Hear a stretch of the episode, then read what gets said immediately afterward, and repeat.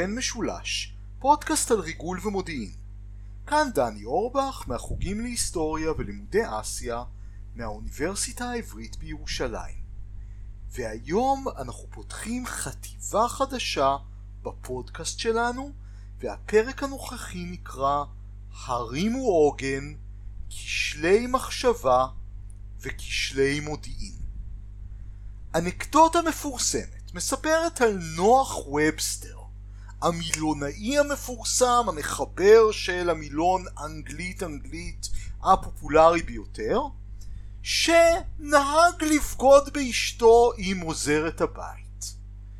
יום אחד אשתו של ובסטר נכנסה לבית ותפסה אותו עם העוזרת וצעקה נוח אני מופתעת נוח ובסטר קם מהמיטה בקור רוח ואמר לאשתו יקירתי את צריכה ללמוד יותר טוב את השפה המהוללת שלנו את לא הופתעת אני הופתעתי את נדהמת מה למעשה מתכוון נוח ובסטר לומר פה?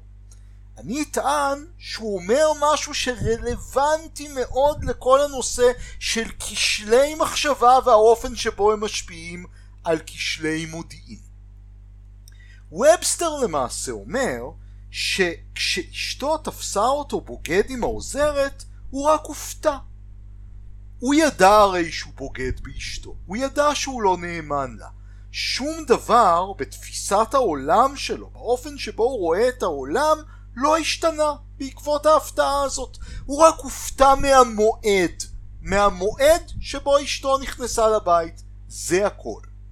לעומת זאת, אשתו של ובסטר נדהמה.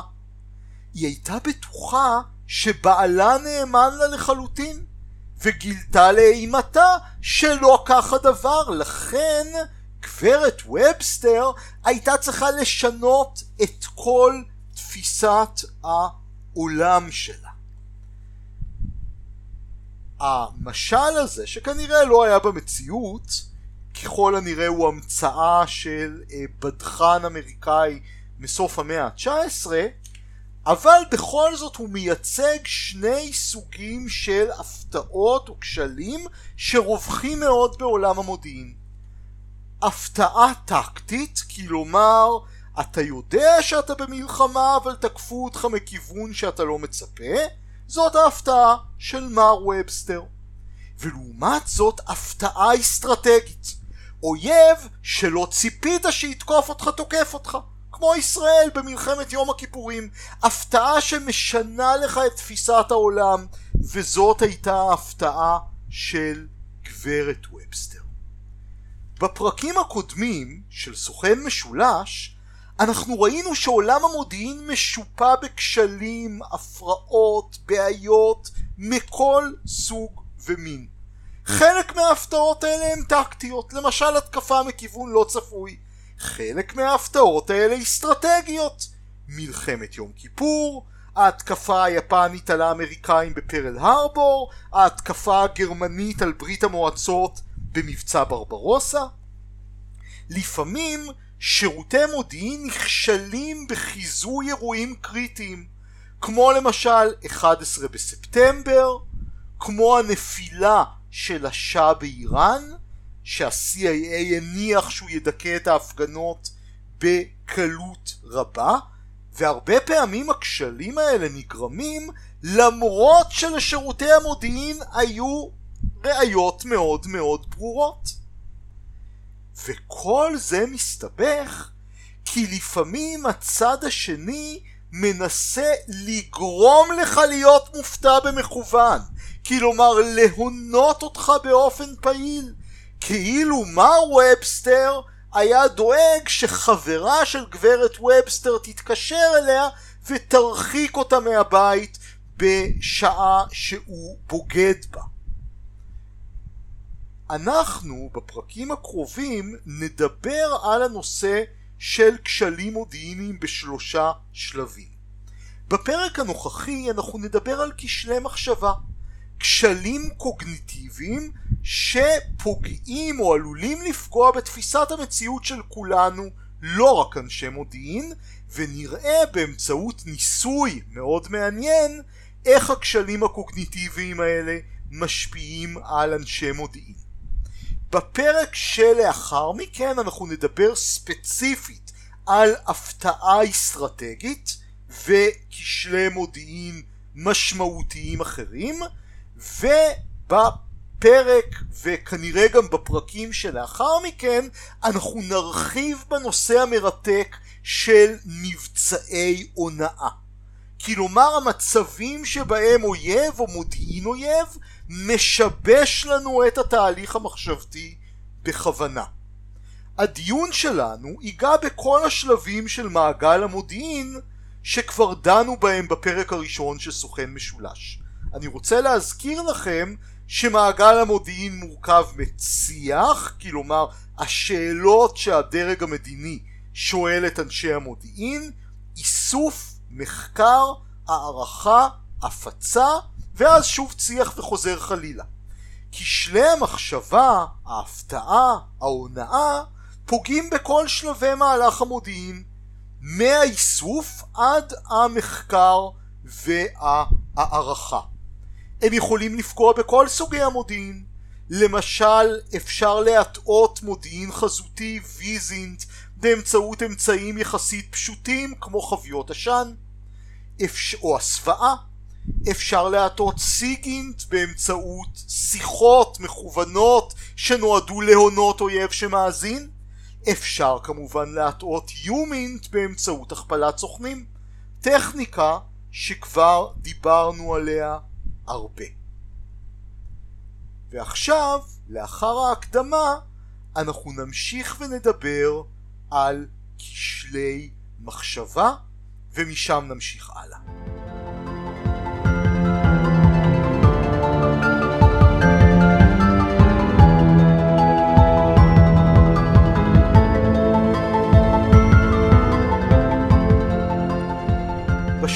הזה של הדיון שלנו על כשלי מחשבה ידריכו אותנו שני חוקרים ישראלים דגולים דניאל כהנמן ועמוס טברסקי. כהנמן קיבל פרס נובל בשם שניהם, כי טברסקי נפטר. ושני החוקרים הללו עסקו באופן נרחב מאוד בנושא של כשלי מחשבה וכשלים קוגניטיביים. לא רק בעולם המודיעין, בעולם האנושי בכלל. מושג המפתח כדי להבין את תיאוריית כשלי המחשבה של כהנמן וטברסקי הוא יוריסטיקות, או בעברית כללי אצבע. היוריסטיקות או כללי האצבע הם מעין קיצורי דרך מחשבתיים. בכל סיטואציה יומיומית המוח שלנו עמוס בהרבה מאוד מידע. אנחנו יוצאים לרחוב, אנחנו רואים דברים, אנחנו פוגשים אנשים, אנחנו מדברים עם אנשים, אנחנו אמורים לעשות דברים. בכל אחת מהפעולות האלה אנחנו ניגשים לזיכרון שלנו ומוציאים ממנו מידע. ויש הרבה עומס על המערכת הקוגניטיבית שלנו.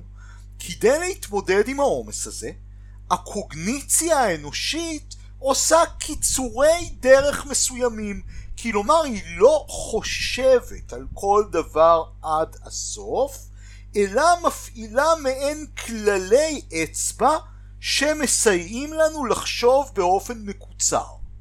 כללי האצבע האלו, היוריסטיקות האלה, הן נחוצות לחיים אנושיים. וברוב המקרים האומדנים האלה, קיצורי הדרך האלה, מובילים אותנו למסקנה שהיא מסקנה נכונה.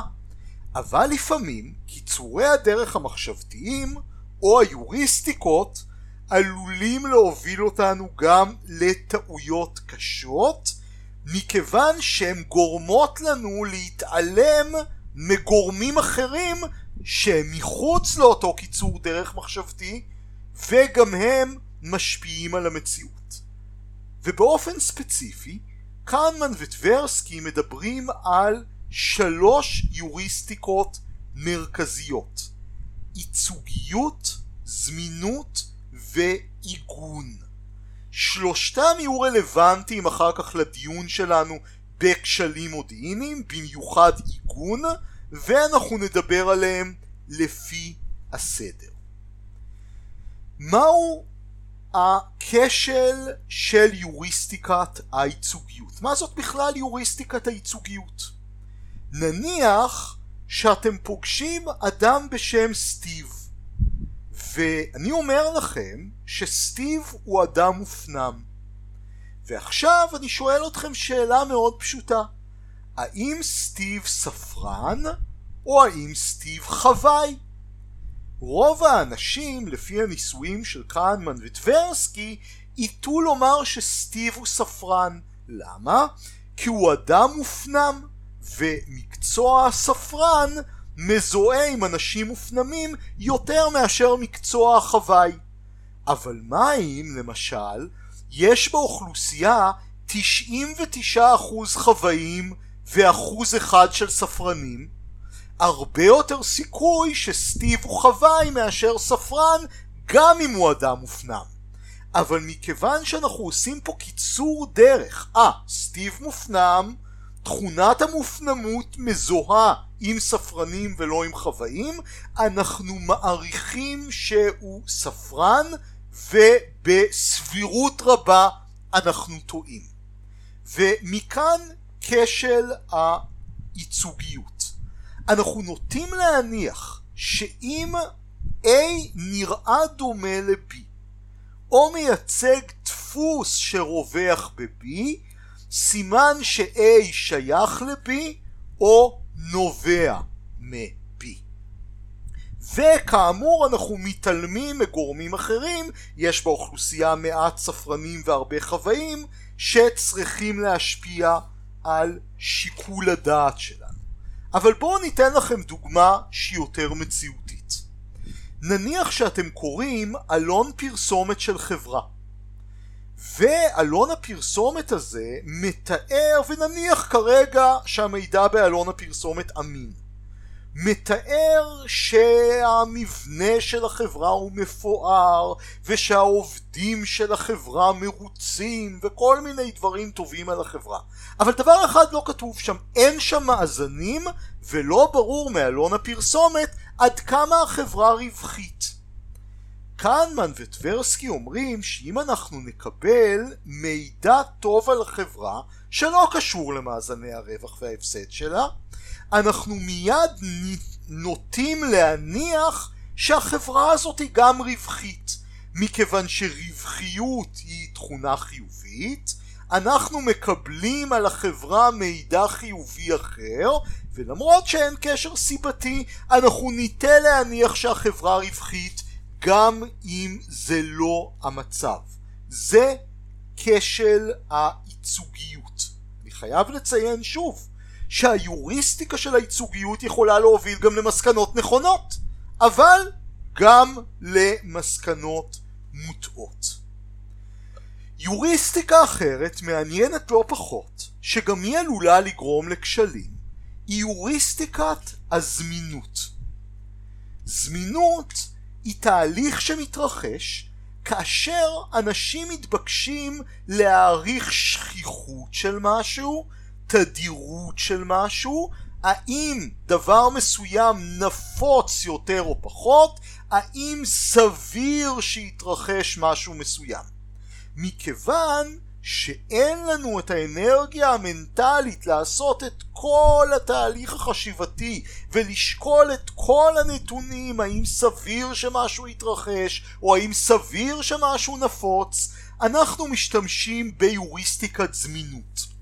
כלומר, אנחנו כבני אדם נוטים להניח שמה שקל לנו יותר לחשוב עליו, מה שזמין בקלות בזיכרון שלנו, הוא גם סביר יותר או נפוץ יותר. נניח שחס וחלילה היו במשפחה של אדם מסוים הרבה מאוד התקפי לב. הוא ייתה להניח שהתקפי לב יותר נפוצים ממה שהם באמת. אם אני ניהלתי עסק והעסק הזה פשט את הרגל כי השותף שלי גנב ממני כסף אני אטה לחשוב ששותפים שגונבים כסף זה דבר יותר נפוץ ממשהו באמת ואם כאנליסט אני אתבקש להעריך תפקוד של עסק מסוים, אני עלול להגזים בסכנה הזאת של גניבה מצד שותפים לעומת סכנות אחרות, שבמקרה של אותו עסק אולי הן יותר משמעותיות או יותר נפוצות. שוב אני מדגיש שהתהליך הפרשני הזה, היוריסטיקה של הזמינות, יכולה להיות מאוד שימושית. מכיוון שלפעמים אירועים שעולים לנו בזיכרון אה, בקלות רבה יותר הם אכן אירועים שמתרחשים בדחיפות גדולה יותר. אבל הרבה פעמים לא. חלק מהיוריסטיקה של הזמינות זה עוד פעם אני נוטה לחשוב שמה שקל לי לדמיין הוא משהו יותר שכיח. עכשיו קודם אני דיברתי עליכם בדוגמה של התקפי לב או הגניבה מצד השותף לדברים שקרו לי ולכן קל לי יותר לדמיין אותם אבל לפעמים קל לי יותר לדמיין אה, אירוע מסוים או בעיה מסוימת כי ראיתי עליה, ראיתי אותה בסרטים או קראתי עליה בספרים. ואחת הדוגמאות הכי מעניינות לזה היא דוגמת הצלילה. בפועל כרישים לא תוקפים בני אדם בדרך כלל והסבירות להיפגע מכריש שאתה צולל, כך לפחות לימדו אותי בקורס צלילה, היא יחסית נמוכה. לעומת זאת בני אדם נוטים מאוד לפחד מכרישים בגלל סרטים שהם ראו כמו מלטאות. קל להם לדמיין התקפה של כריש על צוללן. אבל בעיות שיכולות להרוג צוללנים בסבירות הרבה יותר גבוהה והן הרבה יותר שכיחות למשל בעיה טכנית בציוד את זה אנשים מדמיינים פחות ולכן הם מגזימים בסכנות נדירות ומעריכים הערכת חסר סכנות שהן הרבה יותר נפוצות. התהליך הפרשני של זמינות באותו הזמן יכול להוביל גם לקורלציות מוטעות. למשל, אנשים נוטים לחשוב, למרות שאין לזה שום בסיס מדעי, שיש קשר בין אופי של בן אדם לבין מבנה העיניים. אם יש לו עיניים חשדניות, סימן שהוא פרנואיד. ג'ורג' W. בוש אמר פעם, אחרי פגישה שלו עם פוטין, אני נפגשתי עם פוטין, הסתכלתי לו לעיניים הקרות שלו וראיתי את איש הקג"ב שהוא. אנחנו נוטים לייחס אכזריות שמאפיינת סוכני קג"ב עם עיניים קרות אפילו אם הקשר הזה לא מבוסס והסיבתיות לא קיימת. אנחנו נדבר על כשלי מודיעין מאוחר יותר אבל כבר בשלב הזה אני אומר לכם שהכשל הזה מאוד מאוד רלוונטי להערכות מודיעיניות מכיוון שמה שקרה לנו כבר בעבר אנחנו נוטים לחשוב שהוא יקרה בשכיחות גבוהה יותר בעתיד. אם למשל המודיעין האמריקאי טעה והעריך שלעיראק יש נשק גרעיני למרות שלא היה לה הנטייה הטבעית שלו תהיה למשל להעריך שלאיראן אין נשק גרעיני כלומר אנחנו טעינו פעם בהערכה שיש נשק גרעיני אז סביר להניח שגם בפעם הבאה אין נשק גרעיני וככה מודיעין נע בין הערכות יתר לבין הערכות חסר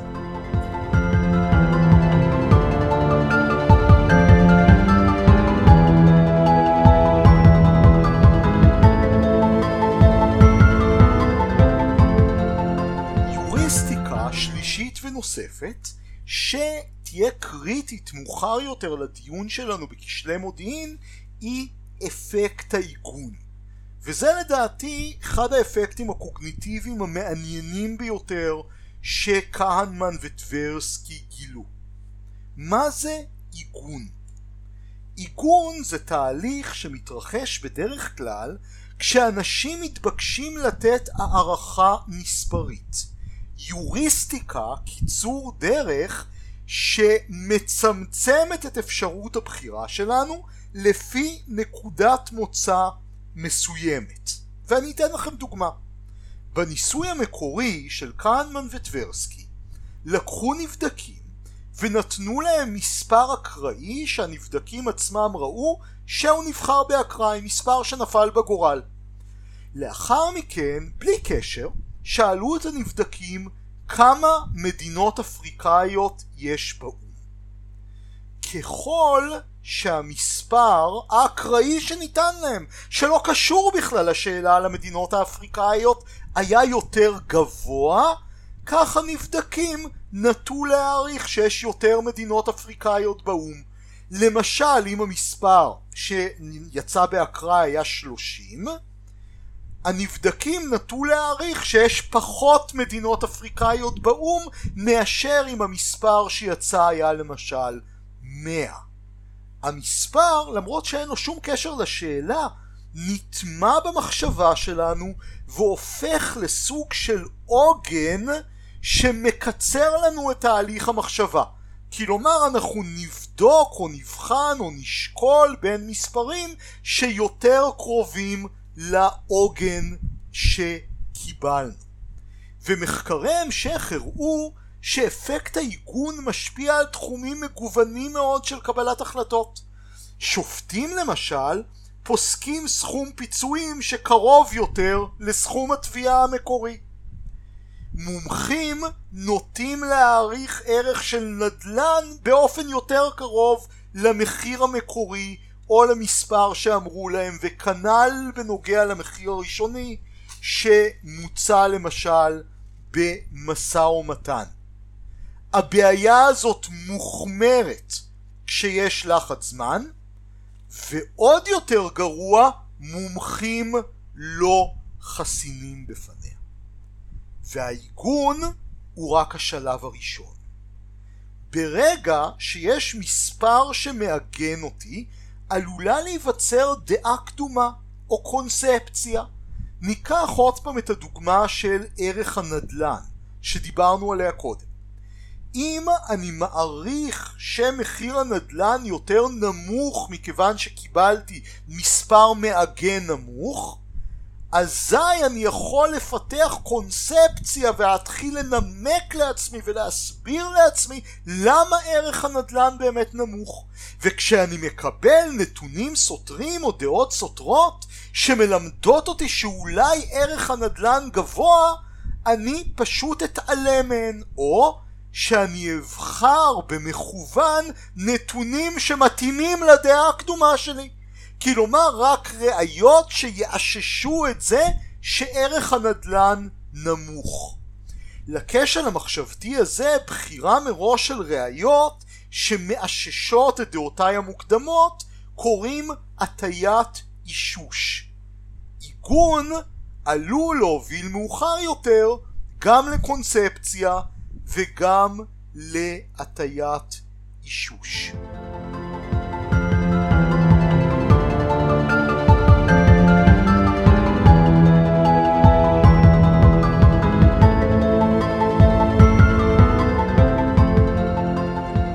הבעיות שדיברנו עליהן תקפות לכל בני האדם באשר הם, אבל הן מסוכנות במיוחד לחוקרי מודיעין ולארגוני מודיעין.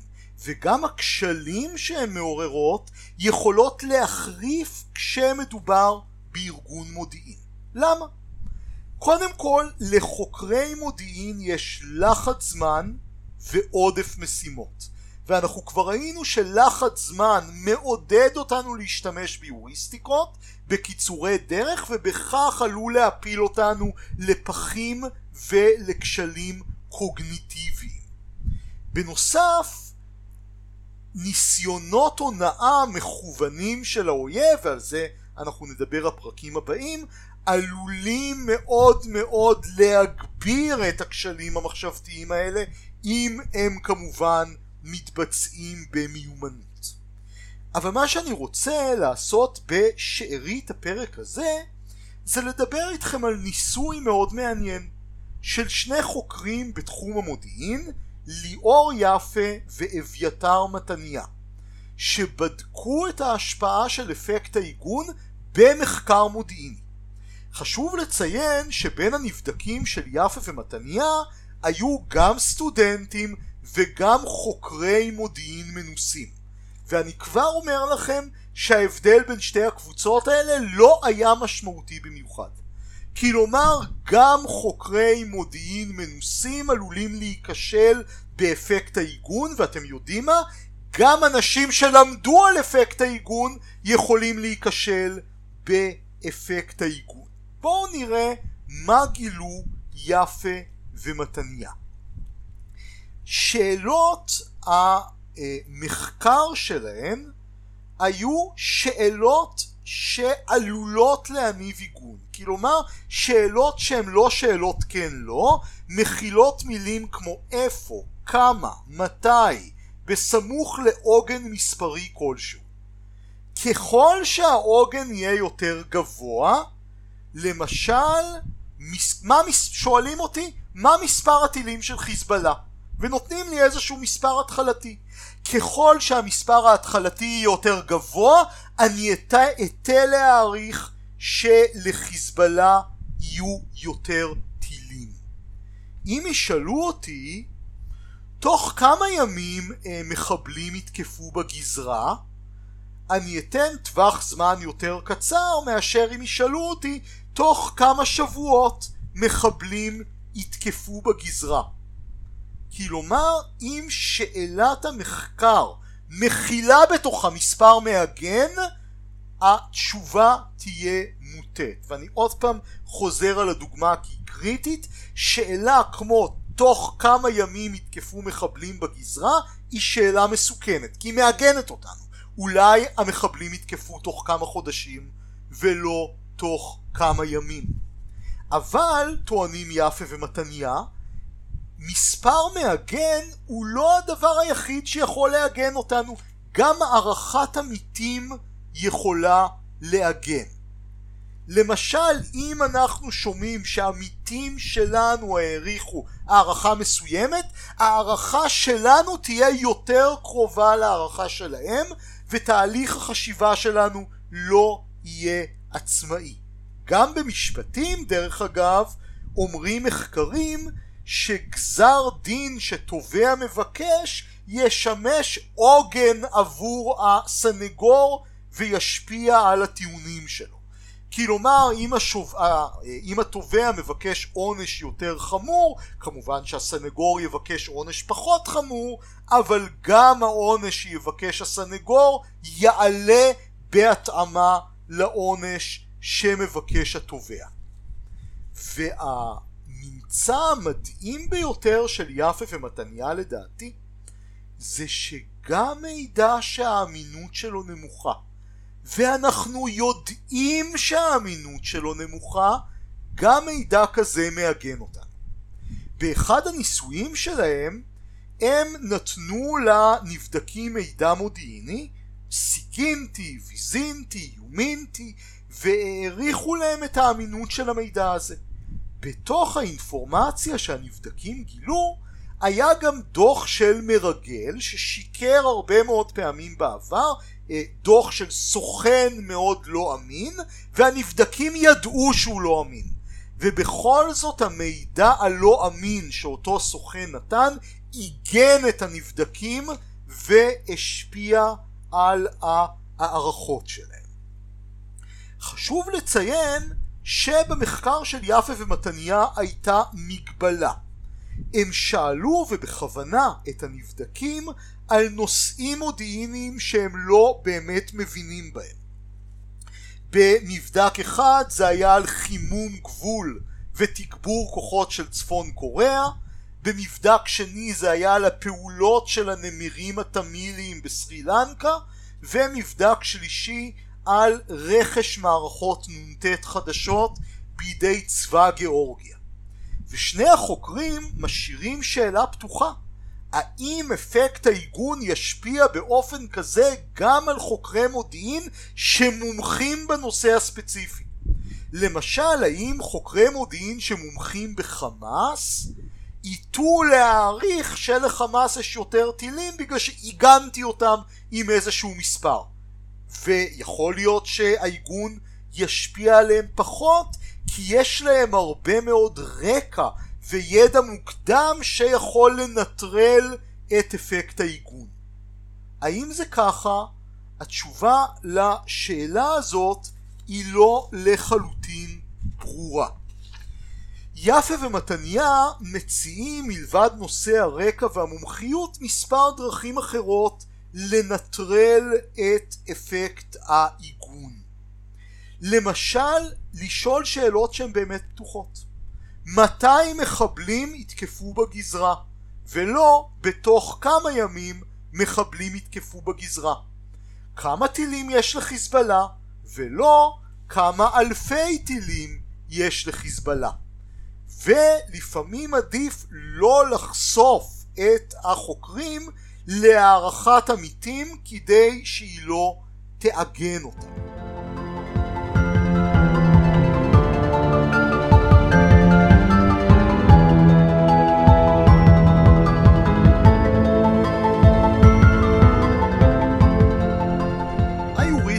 של קהנמן וטברסקי הם כמובן לא הכשלים הקוגניטיביים היחידים שיכולים להשפיע על כשלי מודיעין. למשל חוקר מאוד חשוב בשם הויר מונה מספר הטיות קוגנטיביות אחרות. למשל משהו שמוחשי יותר אנחנו נוטים לייחס לו יותר אמינות מאשר משהו מוחשי פחות. אם קיבלנו סטטיסטיקה על מספר הטילים של האויב מאלפי ידיעות סיגינט אולי אנחנו נתפוס אותה כאמינה פחות מידיעה של סוכן יחיד שאנחנו מכירים את השם שלו ויודעים מי הוא למרות שאפילו אם מדובר בסוכן יחיד יחידה של סוכן, ידיעה של סוכן יחיד כמובן הרבה פחות אמינה מסטטיסטיקה שמבוססת על ידיעות רבות ושונות. יש גם הטיות בקשרי סיבה ותוצאה כמו שתמיד אומרים במדעי החברה, קורלציה לא מחייבת סיבתיות. יכול להיות שדברים קורים זה לצד זה, אבל הם לא בהכרח קשורים זה לזה.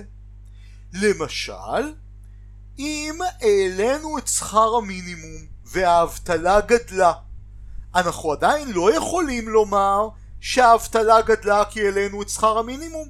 אולי שכר המינימום היה עולה בכל מקרה, אולי שכר המינימום עלה בגלל גורמים אחרים, לכן באמצעות כל מיני שיטות מדעיות אנחנו צריכים לבודד את המשתנה שלנו ולבדוק קשרי סיבתיות ולא רק קורלציה. אבל העולם שחוקרי המודיעין עוסקים בו, העולם האמיתי, הוא עולם מאוד מסובך וכאוטי. ובעולם הזה הרבה פעמים קשה לנו מאוד לבודד משתנים. חוקרים מנוסים בתחום הכלכלה לפעמים יודעים איך לעשות את זה. אני ממליץ לכם מאוד להקשיב לפודקאסט ערש יצירתי של אורי כץ ואריאל קרלינסקי ולראות, לשמוע את חוקר הטרור קלוד ברבי בפרק השני ולראות את האופן שבו במציאות מאוד מורכבת של טרור הוא מצליח לבודד גורמים ולהוכיח סיבתיות הוא משתמש בשיטה מאוד מורכבת שנקראת הפרש ההפרשים אבל כמו שבא רבי עצמו אומר באותו פודקאסט אנשי מודיעין לרוב לא מתעניינים בתובנות שלו ומאמינים באינטואיציות שלהם. והאינטואיציות האלה כמו שראינו הרבה פעמים עם יוריסטיקות עלולות להיות מוטעות הבלבול בין קורלציה וסיבתיות הוא מאוד נפוץ במודיעין ואני אתן לכם דוגמה קלאסית. הנחה שדברים שמנהיגים אומרים בהכרח משפיעים על המציאות בשטח. נניח אם אנחנו מקליטים שיחה של נגיד ערפאת שרומז או אומר שצריך אינתיפאדה שנייה ולאחר מכן פורצת האינתיפאדה השנייה זה עדיין לא מוכיח שהאינתיפאדה השנייה פרצה כי ערפאת החליט. אולי הוא ראה שהיא עומדת לפרוץ ממילא ורצה לרכב עליה ולהרוויח ממנה? בהיסטוריה אנחנו רואים את זה המון שאירועים מתרחשים מסיבות מגוונות והרבה פעמים מנהיגים סתם תופסים עליהם טרמפ אבל זה עניין שחוקרי מודיעין נכשלים בו ולעיתים קרובות. ולבסוף הכשל האחרון שאנחנו נדבר עליו הוא כשל שיקוף המראה. ואני קורא לכשל הזה כשל סרג'יו קונסטנצה. רובנו זוכרים את הקומדיה הישראלית הקלאסית גבעת חלפון אינה עונה. ובמהלך אותו סרט המח"ט מגיע לחייל הרומני, לסרג'יו קונסטנצה, ואומר לו, אם המצרים באים, איזו מילה אתה מעביר בקשר? וסרג'יו אומר לו, המח"ט, איזה אינטרס יש, יש להם לבוא לכאן בחום הזה? אבל השאלה היא, האם גם המצרים מסכימים שאין להם אינטרס לבוא לכאן בחום הזה? כלומר, אנחנו יכולים להניח לנו חם, לנו לא מתחשק לצאת מהבסיס, משמע גם למצרים חם, גם למצרים לא מתחשק לצאת מהבסיס ולכן הם לא יתקפו, וזה כשל. השם היותר מקצועי של הכשל הזה הוא כאמור שיקוף מראה, באנגלית mirror imaging. אנחנו מניחים שהאויב חושב כמונו, אנחנו מניחים שהרציונל שלו דומה לשלנו, ואולי הוא הגיוני, אבל הרציונל שלו אחר. אולי ההיגיון שלו שונה לחלוטין, ואני אתן לכם כמה דוגמאות. בשנות ה-70 ה-CIA העריך שהשאה האיראני לא ייפול. היה לו צבא אדיר, הוא יכול בקלות לדכא את ההפגנות נגדו, הוא גם עשה את זה בעבר, והאמריקאים הניחו שהוא חושב כמוהם, שהוא רציונלי, שאם הוא יראה שהשלטון שלו בסכנה, הוא יכריז על משטר צבאי וידכא את ההפגנות. מה הייתה הבעיה? הם לא חשבו בהיגיון של מונרכיה. האמריקאים חיים ברפובליקה. איראן הייתה מונרכיה. השאה באותו הזמן היה חולה בסרטן, דבר שהאמריקאים לא ידעו.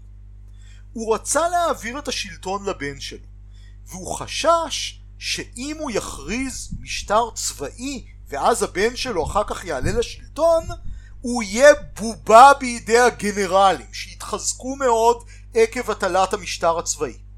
כלומר ההיגיון הזה של ירושה היה זר לחלוטין לאמריקאים שחשבו בראש רפובליקאי. הם הניחו שהשאה האיראני הוא כמותם, חושב כמותם, מה שלא היה נכון במציאות. במקרים רבים במלחמה הקרה הסובייטים לא הבינו למה האמריקאים כל הזמן מתכוננים שברית המועצות תתקוף אותם. כי הם ידעו, הסובייטים, שברית המועצות לא מתכוננת לתקוף. ולכן הם גם חשבו שההיסטריה האמריקאית היא רק מזימה שנועדה להטעות אותם. כי הרי אנחנו הסובייטים יודעים שאנחנו לא מתכוונים לתקוף, אז בטח גם הם מבינים לפי אותו היגיון שאנחנו לא מתכוונים לתקוף. לא, זה לא עובד ככה. האמריקאים באמת האמינו שהסובייטים מתכננים לתקוף. ודוגמה שלישית מאוד מעניינת היא מיפן של המאה ה-19.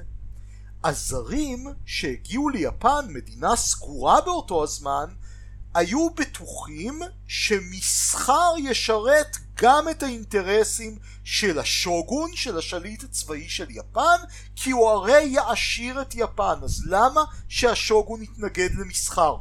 הם לא הבינו שיפן הייתה מורכבת מהרבה נחלות פאודליות, והשוגון לא רצה שהכסף של המסחר יזרום לאזורים ביפן שבהם נמצאים יריבים פוליטיים שלו. שימו לב להיגיון המערבי.